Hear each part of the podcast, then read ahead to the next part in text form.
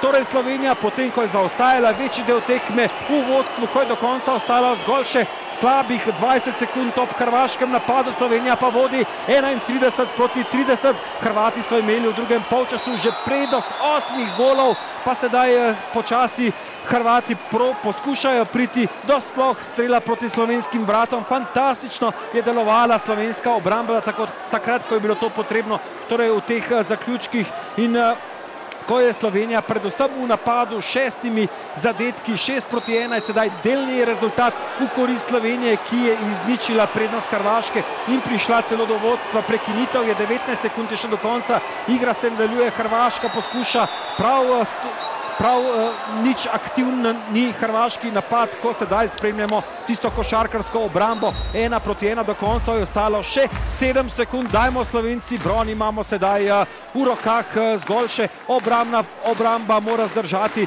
zadnji hrvaški napad, ko je znova prekinitev in tudi Željko Babič je iz vrat potegnil torej Ivana Stevanoviča in pošilja na igrišče torej dodatnega sedmega igralca. Hrvaška poskuša priti v teh zaključnih minutah do novega gola in uspešen blok slovenske reprezentance. Bronasta medalja je slovenska v tem trenutku tudi zaključna sirena veselje slovenskih igralcev. Kakšen thriller, kakšen zaključek.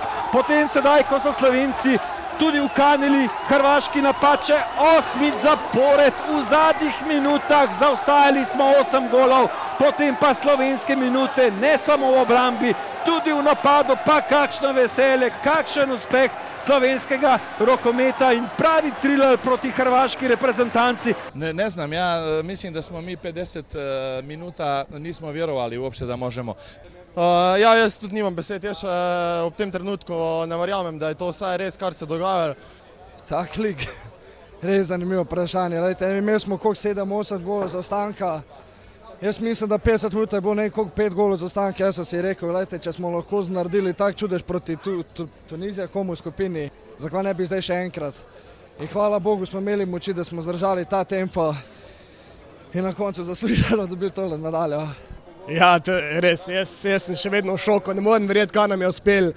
Po katastrofalnih 45 minutah, ker nam nikakor nič nam ni šlo, nismo mogli razviti naše igre, potem pa v zadnjih 15-10 minutah takšen preobrat. To je, to je res, to je neverjetno. To, tak, mislim, da take tekme še ni bilo na svetovnem prvenstvu, sploh za medaljo. In, res zelo, zelo sem vesel, da, da, da se je obrnilo v našo korist in da smo zmagali. No. Sploh pa na tak način, kakršen so zmagali.